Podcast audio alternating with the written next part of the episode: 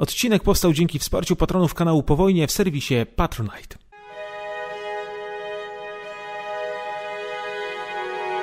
To było jedno z najważniejszych wydarzeń w historii Węgier. W październiku 1956 roku, obserwując rozwój sytuacji w Polsce, Węgrzy w końcu powiedzieli dość. Tematem dzisiejszego odcinka będzie węgierska rewolucja. Jak do niej doszło, jak przebiegała, jak się zakończyła. O tym w tym odcinku serii Po wojnie.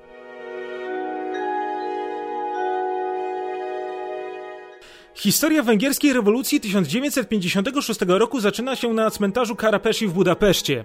To najsłynniejsza nekropolia węgierskiej stolicy. Znajdują się tam szczątki najsłynniejszych Węgrów. Jest tam m.in. mauzoleum Lajosza Kosuta, bohatera rewolucji 1848 roku. Tymczasem sobotniego październikowego ranka, dokładnie 108 lat później, dokonano tam ekshumacji i ponownego pochówku byłego ministra spraw zagranicznych Lajosza Rajka, oskarżonego 7 lat wcześniej o zdradę kraju. Jedna z najważniejszych osób w państwie została wówczas powieszona, a jej ciało wrzucono do nieoznakowanego dołu i przysypano wapnem. Wtedy nikt nie chciał o nim pamiętać. W 1956 roku pamiętali o nim wszyscy. Ponowny pochówek węgierskiego polityka był wielką patriotyczną manifestacją. Pogrzebem Rajka żył cały kraj. Państwowe budynki zostały ozdobione flagami, sklepy i fabryki tego dnia nie pracowały. Trumna byłego szefa MSZ oraz jego czterech współpracowników, również zabitych po pokazowych procesach kilka lat wcześniej, stanęła przy wejściu do mauzoleum Kosuta.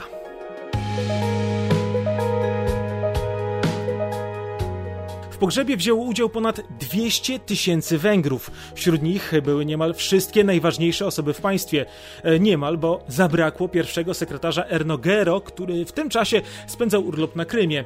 Nie był to przypadek. Gero mógłby czuć się niezręcznie. Sam przecież 7 lat wcześniej żądał surowej kary dla Rajka. W tłumie żałobników nie zabrakło natomiast osób, które żądały zmian na Węgrzech, również tych z komunistycznej partii. Ich liderem był Imre Nodzi. Podczas mów pogrzebowych nie zabrakło gorzkich słów skierowanych w kierunku komunistycznych władz. Pojawiały się hasła o sadystycznych złoczyńcach, y, o cuchnącym bagnie kultu jednostki. Ten domagający się reform charakter uroczystości pogrzebowych nie zakładał raczej zmian systemu politycznego. Reich został pogrzebany przy dźwiękach międzynarodówki.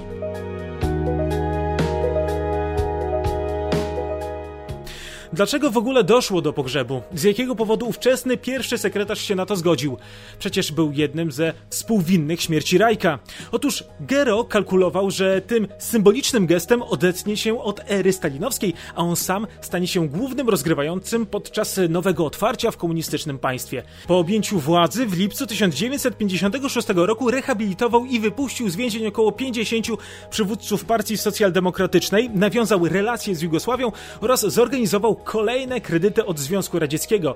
Poza tym e, ponownie do partii robotniczej e, przyjęty został Imre Nagy, zwolennik reform w państwie węgierskim.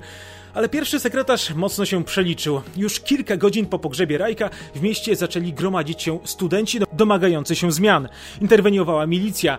Na nic się dały umizgi pierwszego sekretarza do społeczeństwa. Węgry były w katastrofalnej sytuacji gospodarczej. Winę, w opinii wielu Węgrów, ponosiło silne uzależnienie od Moskwy i nie było to wcale mylne wyrażenie, bo Węgry na przykład sprzedawały do ZSRR po bardzo zaniżonych stawkach m.in. rudy uranu. W państwie ciągle stacjonowały radzieckie wojska.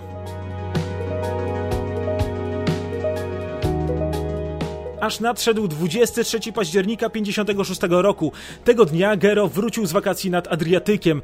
Zapewne nie spodziewał się, że zbliża się kres jego rządów. Kilka dni wcześniej powstało Niezależne Stowarzyszenie Węgierskich Studentów Uniwersytetów i Szkół Wyższych. Młodzi ludzie domagali się zniesienia cenzury, wolnych wyborów oraz wycofania Armii Czerwonej z ich kraju.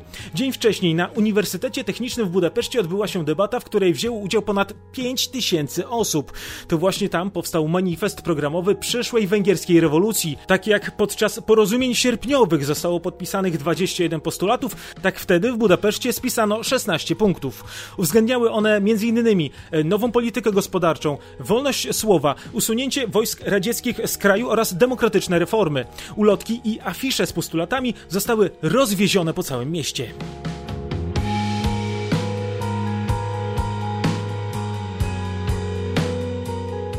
Studenci postanowili, że 23 października w geście Solidarności z Polakami, gdzie władzę odzyskał Władysław Gomułka, złożą kwiaty pod pomnikiem Józefa Bema, który przecież walczył u boku Węgrów w powstaniu w 1848 roku. To nie podobało się twardogłowym politykom w węgierskiej partii komunistycznej. Zniesmaczony sytuacją był również pierwszy sekretarz.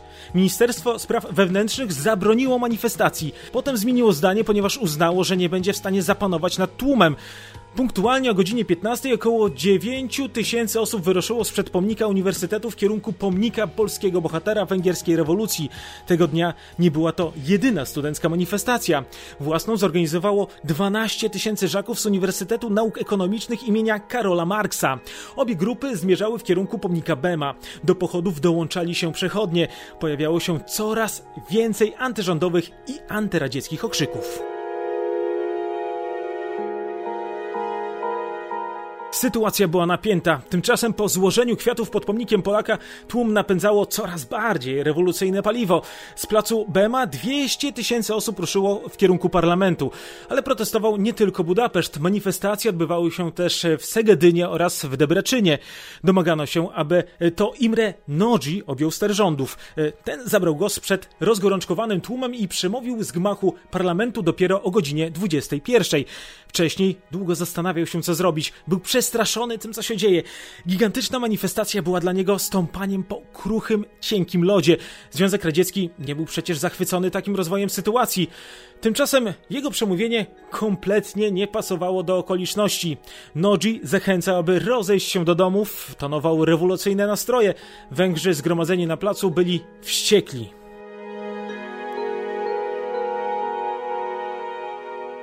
No, G miał jednak szczęście, bo jeszcze gorsze odezwy do narodu na falach radiowych przedstawił pierwszy sekretarz. Zamiast przyznać rację, że faktycznie w węgierskim państwie nie wszystko wygląda tak jak powinno, cały czas eksponował sukcesy węgierskiej partii komunistycznej. Chwalił Związek Radziecki, potępił reakcjonistów i zapowiedział z nimi walkę. To zadziałało na Węgrów jak płachta na byka. Pod siedzibą Związku Przyjaźni Węgiersko-Radzieckiej ktoś podłożył ogień.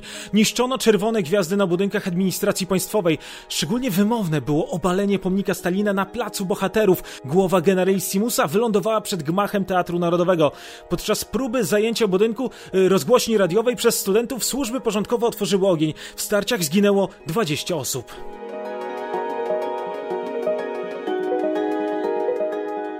Rozwój sytuacji w Budapeszcie niepokoił Moskwę. O godzinie 23 jeszcze tego samego dnia na Kremlu odbyło się specjalne spotkanie Politbiura. Radzieckich dygnitarzy szczególnie przeraziły wieści z Debreczyna o tym, że tłum wdarł się do siedziby węgierskiej partii robotniczej. Jak się później okaże, były to jedynie plotki, ale dla Chruszczowa to wystarczyło, aby podjąć drastyczne kroki. Zdecydował się wysłać na Węgry wojsko. W tym czasie w siedzibie węgierskiej partii robotniczej trwały nerwowe obrady. Co zrobić teraz? Kraj jest przecież trawiony rewolucyjnym ogniem. Tuż nad ranem Komitet Centralny podjął decyzję, aby, tak jak chciał tłum, nowym premierem został Imre Nodzi.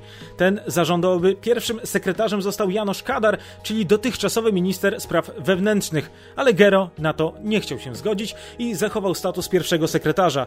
Tym bardziej, że w tym momencie radzieckie wojsko było już w Budapeszcie oraz w większych miastach.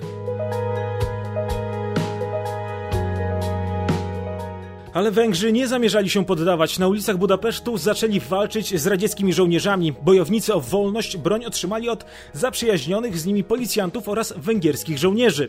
Jedną z twierdz było kino Korwin w samym sercu Pesztu.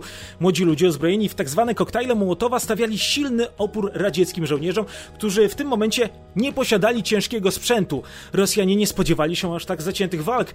Powstańcy szybko zdobyli zabudowania miejscowych koszar. Ich dowódca nie stawiał długo oporu, po prostu przyłączył się do e, powstańców. W ciągu zaledwie kilku dni powstańcy zniszczyli sześć radzieckich dział. Zdobyli też kilka ciężarówek z amunicją. Zginęła ponad setka radzieckich żołnierzy.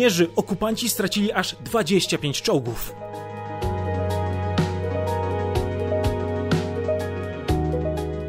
Początkowo Rosjanie niespecjalnie przestraszyli się węgierskiej rewolucji. Wysłany do Budapesztu Sierow twierdził, że opór jest w zasadzie niewielki.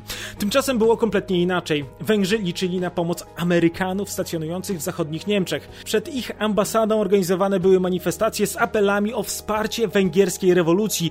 Pomoc ostatecznie jednak nigdy nie dotarła. Tymczasem rozpoczynał się dramat. Na placu Kosuta zebrało się około 20 tysięcy ludzi. Była radosna atmosfera, ludzie czuli się wolni. Tymczasem w pewnym momencie rozległy się strzały. Radzieccy żołnierze zaczęli strzelać do tłumu. Zginęły setki osób. Węgrzy byli wściekli. Gero musiał odejść. To już nie chodziło o władzę, lecz o jego życie. Pierwszy sekretarz doskonale wiedział, że jedynie jego odejście będzie mogło uspokoić rewolucyjne nastroje. Na stanowisko pierwszego sekretarza zastąpił go Kadar. Imre Nodzi przejął inicjatywę. Zapewnił mieszkańców Budapesztu, że jak tylko ustaną walki, wojska radzieckie opuszczą węgierską stolicę. Oczywiście strona radziecka o takich planach nic nie wiedziała. Ale to nikogo na Węgrzech nie uspokajało. Odbywało się coraz więcej manifestacji, a z węgierskiej flagi ludzie usuwali komunistyczne symbole. Zdarzały się włamania do więzień, aby oswobodzić osadzonych. Atakowano kwatery milicji, ukradano lokalne siedziby partii. W mniejszych miejscowościach powstawały nawet rewolucyjne rady. Na wsiach rozwiązywane były spółdzielnie rolnicze. Po trzech dniach większość kraju była w zasadzie przejęta przez powstańców. 28 października Nodzi w węgierskim radio wezwał do zawieszenia broni, ogłosił podwyżkę płac i zapowiedział rozwiązanie tajnej policji. Powiedział też, że ZSRR jest gotowe do podjęcia rozmów o wycofaniu swoich wojsk, tyle że węgierskie społeczeństwo jakby zrozumiało, że to jedyny moment, aby całkowicie wyswobodzić się spod kurateli Moskwy.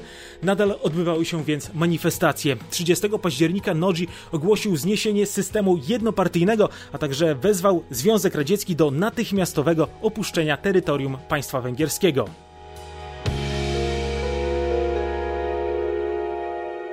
Początkowo Związek Radziecki przystał na takie rozwiązanie. Dzień później Nodzi z gmachu parlamentu obwieścił tysiącom Węgrów zwycięstwo rewolucji. Tyle, że sprawa nie była jeszcze wygrana. W tym czasie Nikita Chruszczow podczas zebrania na Kremlu poprosił Żukowa o rozwiązanie sprawy węgierskiej. Do zrewidowania poglądów doprowadziły go plotki o mordach dokonywanych na Węgrzech przez powstańców w stosunku do działaczy partyjnych i osobach związanych ze służbą bezpieczeństwa. Poza tym węgierska rewolucja mogłaby rozlać się na cały blok wschodni, co zagrażało interesom ZSRR, tym bardziej, że manifestacje wspierające rewolucję węgierską odbywały się m.in. w Polsce oraz w Rumunii. Zapadła więc decyzja o inwazji.